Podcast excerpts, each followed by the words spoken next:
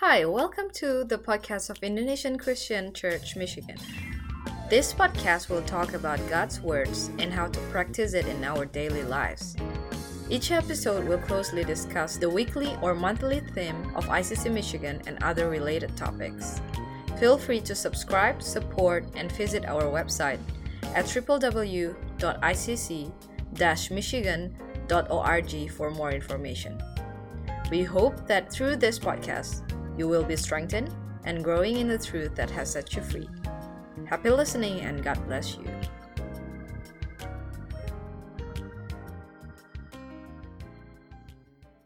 Saudara kita akan memulai satu pelajaran baru pada Bible Study ini, yaitu mengenai pembentukan karakter. Bagaimana karakter dibentuk.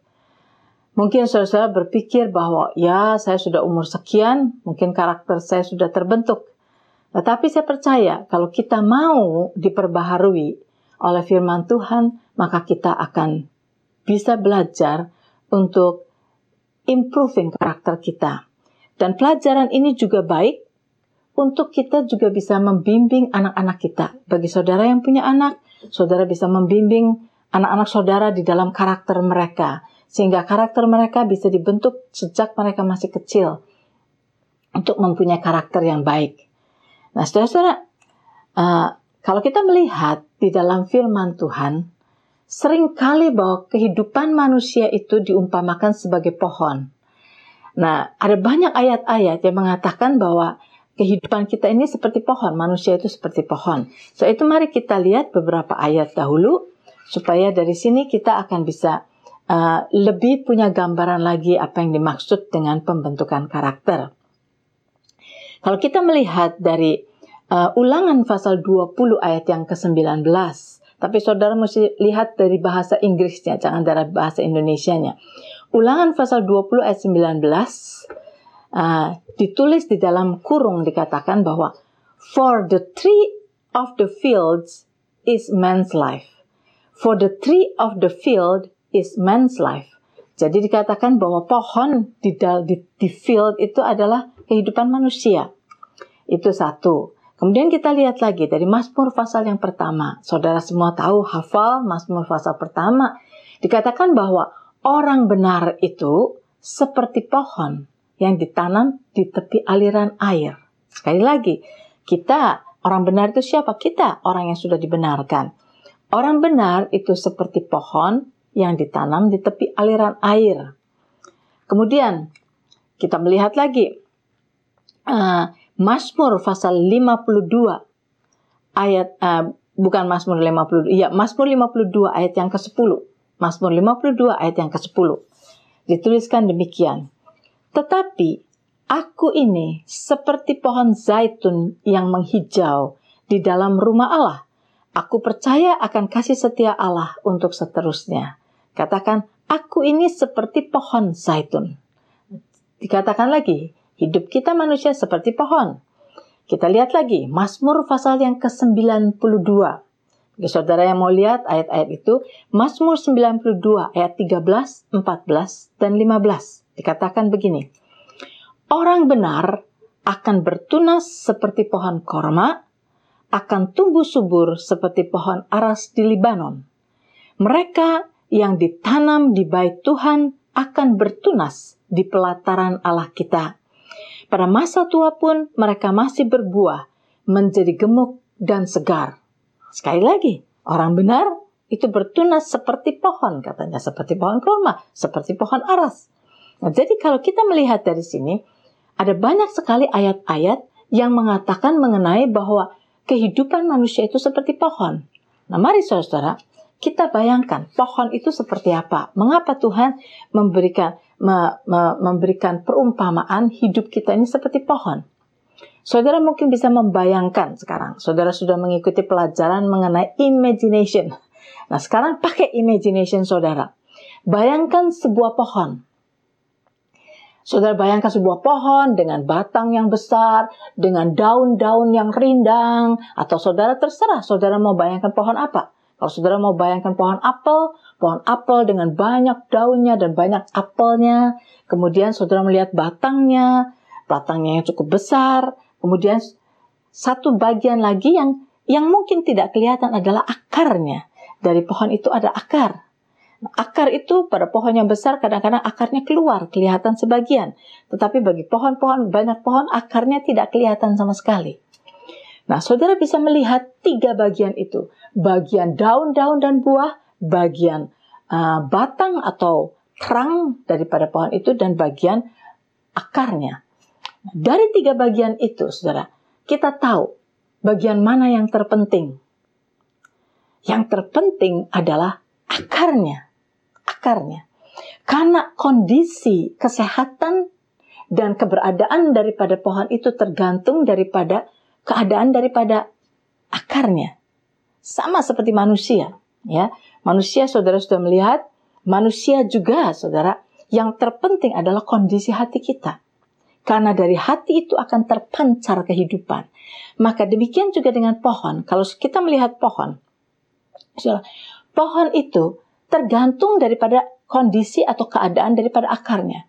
Kalau akar dari sebuah pohon bisa mencapai sampai kepada aliran air, maka pohon itu menjadi sehat karena akar itu memberi mem, menyedot air, menyedot makanan terus sehingga akibat daripada akar yang mempunyai mata air itu akan membuat batang menjadi kuat dan dari batang yang kuat itu akan menghasilkan daun yang rindang, yang hijau, daun yang penuh dan, dan penuh dengan buah-buah. Dari sini kita melihat saudara, seperti itulah keadaan manusia juga. Nah, sekarang saudara, kalau kita melihat bagian akar, akar itu adalah bagian hati kita. Hati kita, apakah hati kita banyak diberi makanan? Nah, makanan buat hati kita adalah firman Tuhan. Apakah hati kita banyak diberi makan firman Tuhan? Makanan yang healthy. Kalau hati kita ini dipenuhi dengan makanan yang sehat, maka yang akan terjadi yaitu seperti batang yang kuat itu akan terjadi karakter yang sehat. Karakter batang itu adalah menggambarkan karakter manusia. Karakter yang kuat, karakter yang teguh, karakter yang sehat, yang indah, yang baik dari karakter yang baik itu akan menghasilkan di atasnya, yaitu kalau dari batang akan menghasilkan daun yang hijau, akan menghasilkan buah-buah yang matang, yang besar-besar. Nah, apakah itu yang batang dan um, buah dan daun itu represent apa? Daun dan buah-buah itu representing apa yang dapat dilihat oleh manusia di sekeliling kita. Kehidupan kita akan dapat dilihat oleh orang melalui perbuatan kita, melalui kata-kata yang keluar dari mulut kita. Buah-buah itu adalah perbuatan-perbuatan kita, manifestasi daripada apa yang ada di dalam hati kita. Buah-buah itu merupakan kata-kata yang keluar dari mulut kita, itu terjadi manifestasi daripada apa yang ada di dalam hati kita. Buah-buah itu juga bisa merupakan anak-anak kita, bagaimana kita mendidik mereka, bagaimana kita membesarkan mereka, yang mereka mempunyai karakter yang baik dan sebagainya. Itu buah. Buah adalah hasil daripada apa yang ada di dalam hati kita, yang kita uh, kita keluarkan sampai membuat karakter kita menjadi sehat dan akan berbuahkan perbuatan, kata-kata yang indah, yang sehat, yang membangun, yang memberi kekuatan kepada orang-orang di sekelilingnya. Dan dari situ kita melihat. Jadi saudara, uh, kita sekarang sedang belajar mengenai karakter. Jadi karakter itu adalah batang dari pohon itu. Nah itu juga tergantung daripada akarnya. Bagaimana akar hati kita sudah diberi makanan yang healthy atau makanan dari dunia ini yang tidak healthy, junk food, yang membuat perbuatan kita nanti daun-daun dan semuanya itu representing apa yang dari dalam hati kita, yang keluar dari karakter yang baik atau yang tidak baik. Jadi semuanya gitu kita lihat ini sebetulnya ada hubungannya dengan pelajaran kita yang lalu. Pelajaran kita yang lalu kita selesai sampai hati kan, sampai hati. Dan Tuhan berkata bahwa apa yang ada di dalam hati itu akan terpancar di dalam kehidupan kita. Nah, mari kita sekarang lihat beberapa. jadi kalau kita melihat dari sini, kita ini yang penting harus menjadi orang benar dahulu sebelum dapat melakukan yang benar. kita harus menjadi orang benar sebelum dapat melakukan yang benar. We have to be a right person before we can do right action. Itu harus benar dulu di dalam diri kita. Kalau hati kita tidak benar, maka kadang-kadang kita masih bisa berkelakuan benar dengan pura-pura, tetapi kepura-puraan itu ada batasnya. Satu kali akan kelihatan aslinya. Tetapi kalau hati kita benar, yang selalu kita konsisten, hidup kita ini benar. Nah, seperti itu. Mari sekarang kita melihat lagi dari perjanjian baru. Tadi banyak dari perjanjian lama. Perjanjian baru dari Matius pasal yang ketujuh. Saudara-saudara kita buka sama-sama. Matius pasal yang ketujuh, ayat yang ke-15 sampai dengan 20.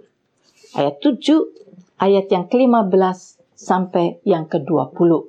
Katakan di sini. Waspadalah terhadap nabi-nabi palsu yang datang kepadamu dengan menyamar seperti domba, tetapi sesungguhnya mereka adalah serigala yang buas.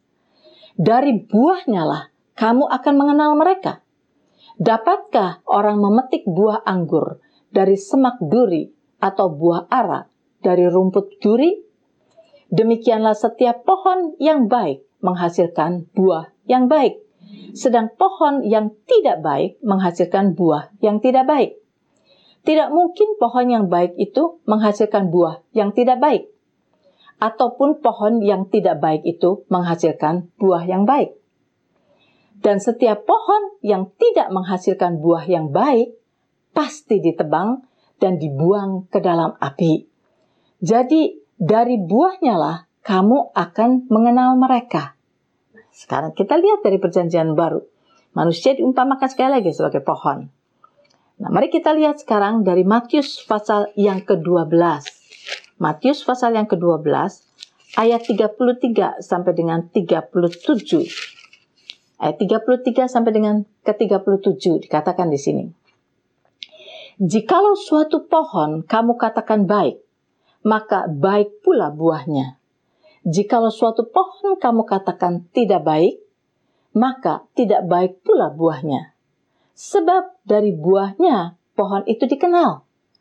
Hai kamu keturunan ular beludak, ini Tuhan Yesus sedang berbicara kepada orang-orang Farisi, kepada ahli Taurat, dan sebagainya. Dan dia berkata, Hai kamu keturunan ular beludak, bagaimanakah kamu dapat mengucapkan hal-hal yang baik, sedangkan kamu sendiri jahat? Karena yang diucapkan mulut meluap dari hati. Orang yang baik mengeluarkan hal-hal yang baik dari perbendaharaannya yang baik. Dan orang yang jahat mengeluarkan hal-hal yang jahat dari perbendaharaannya yang jahat. Tetapi aku berkata kepadamu, setiap kata sia-sia yang diucapkan orang harus dipertanggungjawabkannya pada hari penghakiman. Karena menurut ucapanmu, engkau akan dibenarkan dan menurut ucapanmu pula engkau akan dihukum. Lihat di sini, kita melihat lagi sekali lagi di dalam perjanjian baru mengenai pohon, mengenai buah. Di sini spesifik mengatakan mengenai uh, semua kata-kata kita, orang yang mengeluarkan hal-hal yang baik dari perbendaharaan yang baik. Perbendaharaan itu adalah hati kita. Dari perbendaharaan yang baik akan mengeluarkan kata-kata yang baik.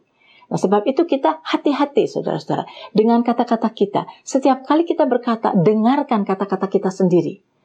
Sebab itu, kalau kita mengatakan kata-kata yang negatif, kata-kata yang tidak benar, itu menunjukkan kondisi hati kita seperti apa. Kalau kita mengucapkan kata-kata yang ngomel terus, marah-marah, kecewa, dan sebagainya, itu menunjukkan kondisi hati kita seperti apa. Nah, saudara-saudara, mari kita sekarang melihat kembali lagi kepada karakter. Nah, jadi saudara, penting sekali kita belajar mengenai karakter ini karena dari melihat kelakuan orang, karakter seseorang, kita akan tahu kondisi daripada hati orang itu, apa yang ada di dalamnya. Orang bisa pura-pura, saudara, untuk sementara.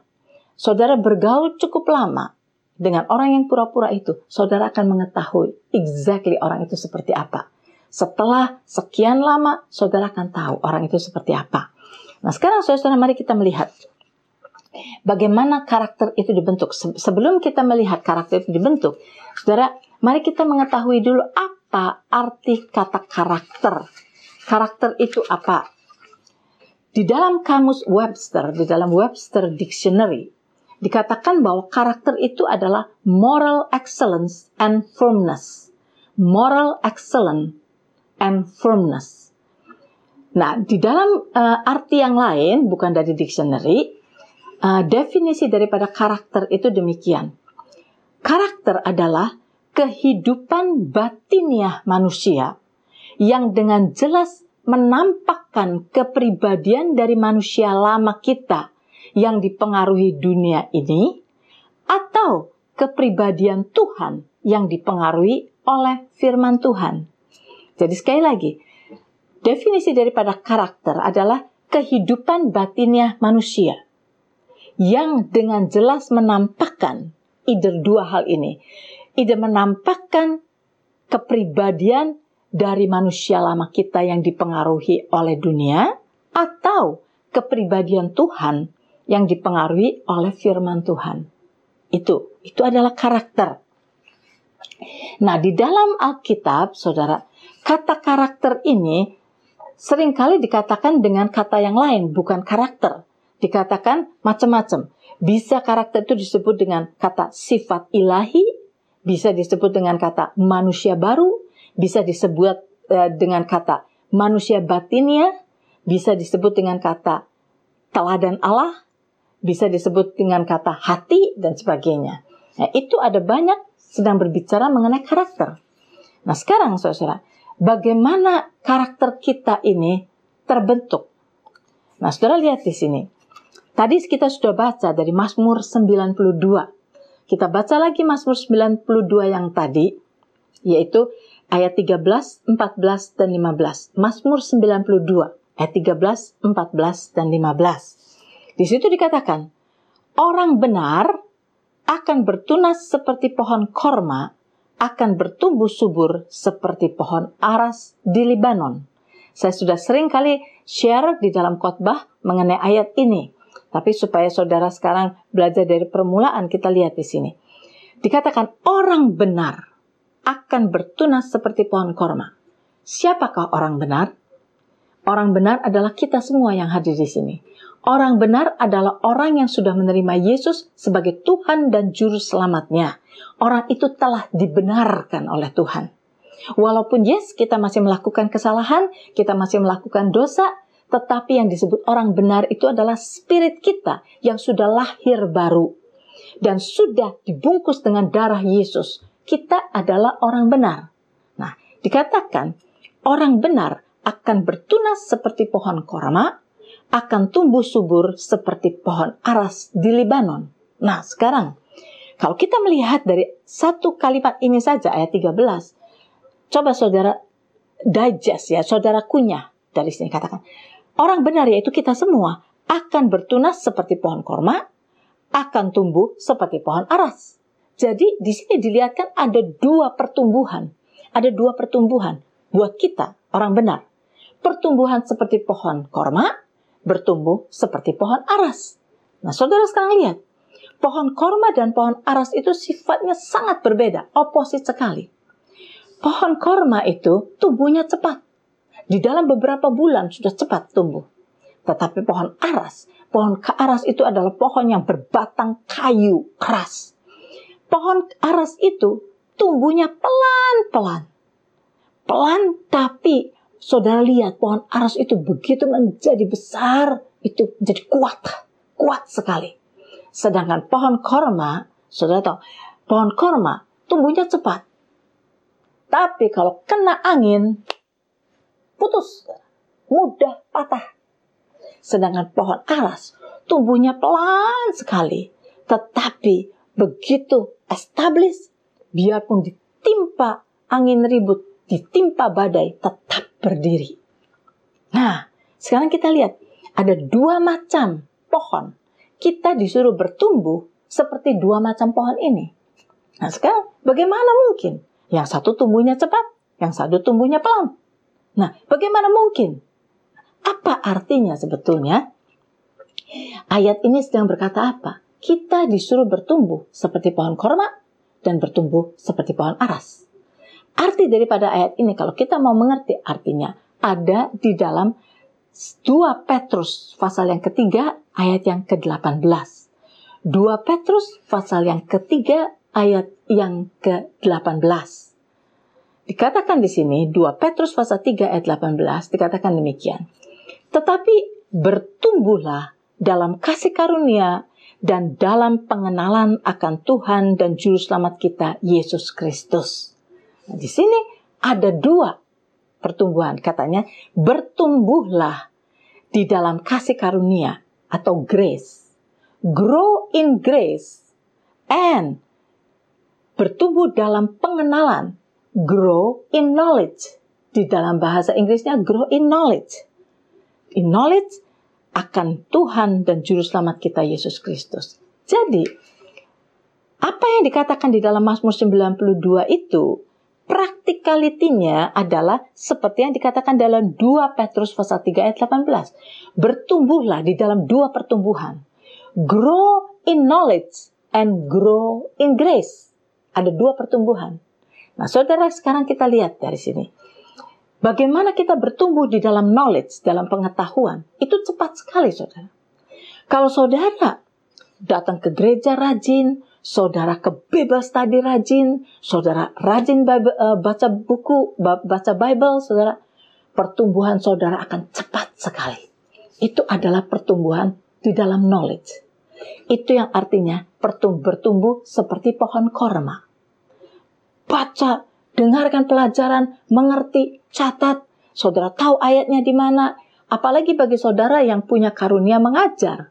Saudara dengar pengajaran, saudara catat, catat ayatnya, artinya apa, dan sebagainya. Kemudian sampai di rumah, saudara pelajari lagi. Semuanya saudara mengerti, besok pagi saudara bisa mengajar orang lain. Dengan catatan saudara, saudara bisa mengajar orang lain. Itu adalah bertumbuh di dalam pengetahuan, grow in knowledge. Itu adalah bertumbuh seperti pohon korma.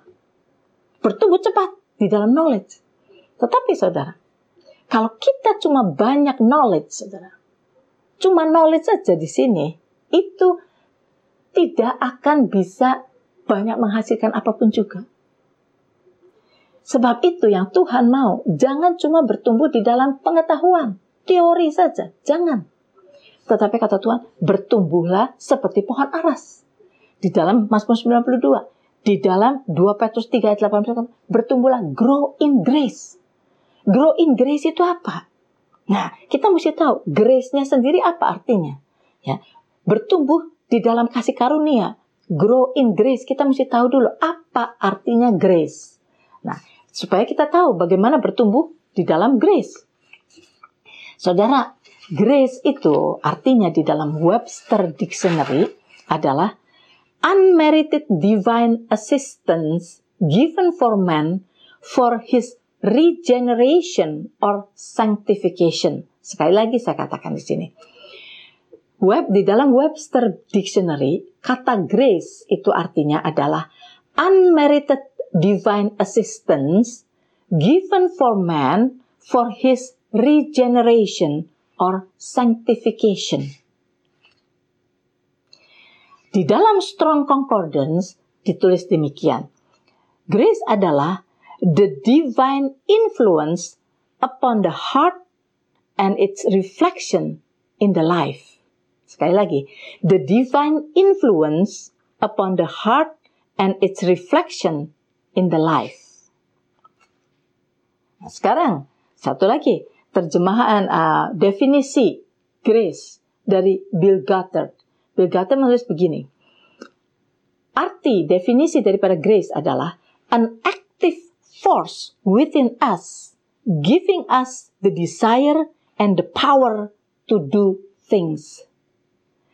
An active force within us, giving us the desire and the power to do things God's way. Tadi saya lupa, God's way. Sekali lagi, supaya lebih jelas.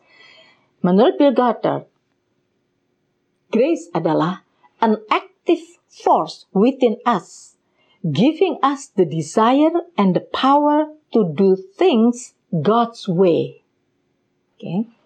Jadi kalau saya terjemahkan di dalam secara Webster Dictionary-nya di dalam bahasa Indonesia-nya, Kasih karunia atau grace adalah bantuan ilahi yang diberikan dengan cuma-cuma kepada manusia untuk pembaharuan dan pengudusan. Sekali lagi, bantuan ilahi yang diberikan dengan cuma-cuma kepada manusia untuk pembaharuan dan pengudusan. Dari Strong Concordance dikatakan, kasih karunia adalah pengaruh ilahi di dalam hati manusia yang nampak dalam kehidupan manusia. I hope dengan dengan uh, definisi ini saudara mengetahui grace itu jadi buat apa? Grace itu adalah untuk menolong kita. Namanya grow in grace adalah begini. Apa yang kita sudah tahu dari firman Tuhan, apa yang kita sudah mengerti di dalam firman Tuhan itu, jangan tinggal hanya di kepala kita, tetapi harus kita praktekkan di dalam kehidupan kita sehari-hari. Kita harus hidupi apa yang kita mengerti itu harus kita hidupi. Nah, untuk menghidupi itu, saudara, nggak gampang. Contohnya, misalnya, saudara diajari pengajaran mengenai mengampuni. Katakan, kita harus mengampuni. Tuhan berkata begini-begini mengenai pengampunan. Dan saudara mengerti semua mengenai pengampunan. Tetapi pada saat saudara mau mempraktekkan mengampuni orang yang sudah menjahati saudara, itu nggak gampang. Saudara kesel. Saudara bilang, nanti dulu, dia itu jahatnya luar biasa. Mungkin mengampuni orang yang cuma gosip itu gampang. Tetapi mengampuni dia yang sudah menipu saya habis-habisan sampai uang saya, modal saya habis semua. Saya nggak bisa ampuni dia. Masih? Walaupun secara otak, secara pengetahuan kita tahu Tuhan menyuruh kita mengampuni. Tuhan berkata kalau kamu tidak mengampuni begini begini begini ayatnya di sini semua saudara tahu. Tetapi pada waktu mau mengampuni mempraktekkan mengampuni itu tidak semudah teorinya. Di sinilah saudara-saudara.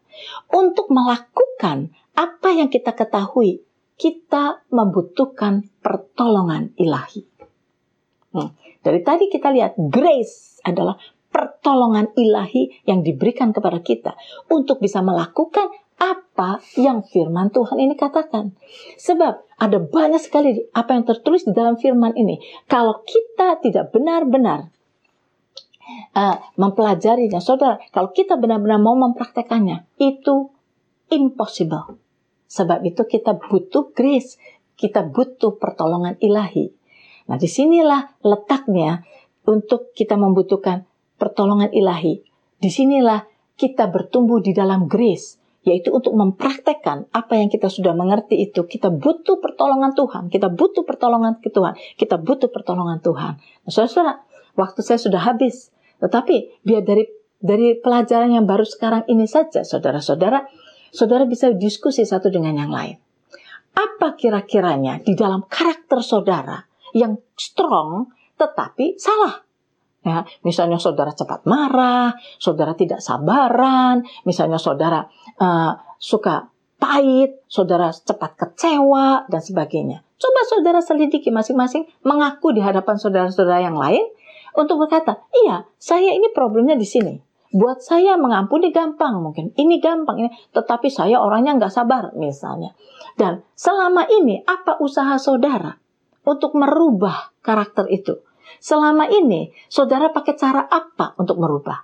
Apakah saudara berhasil di dalam merubah suatu stronghold, sesuatu kebiasaan?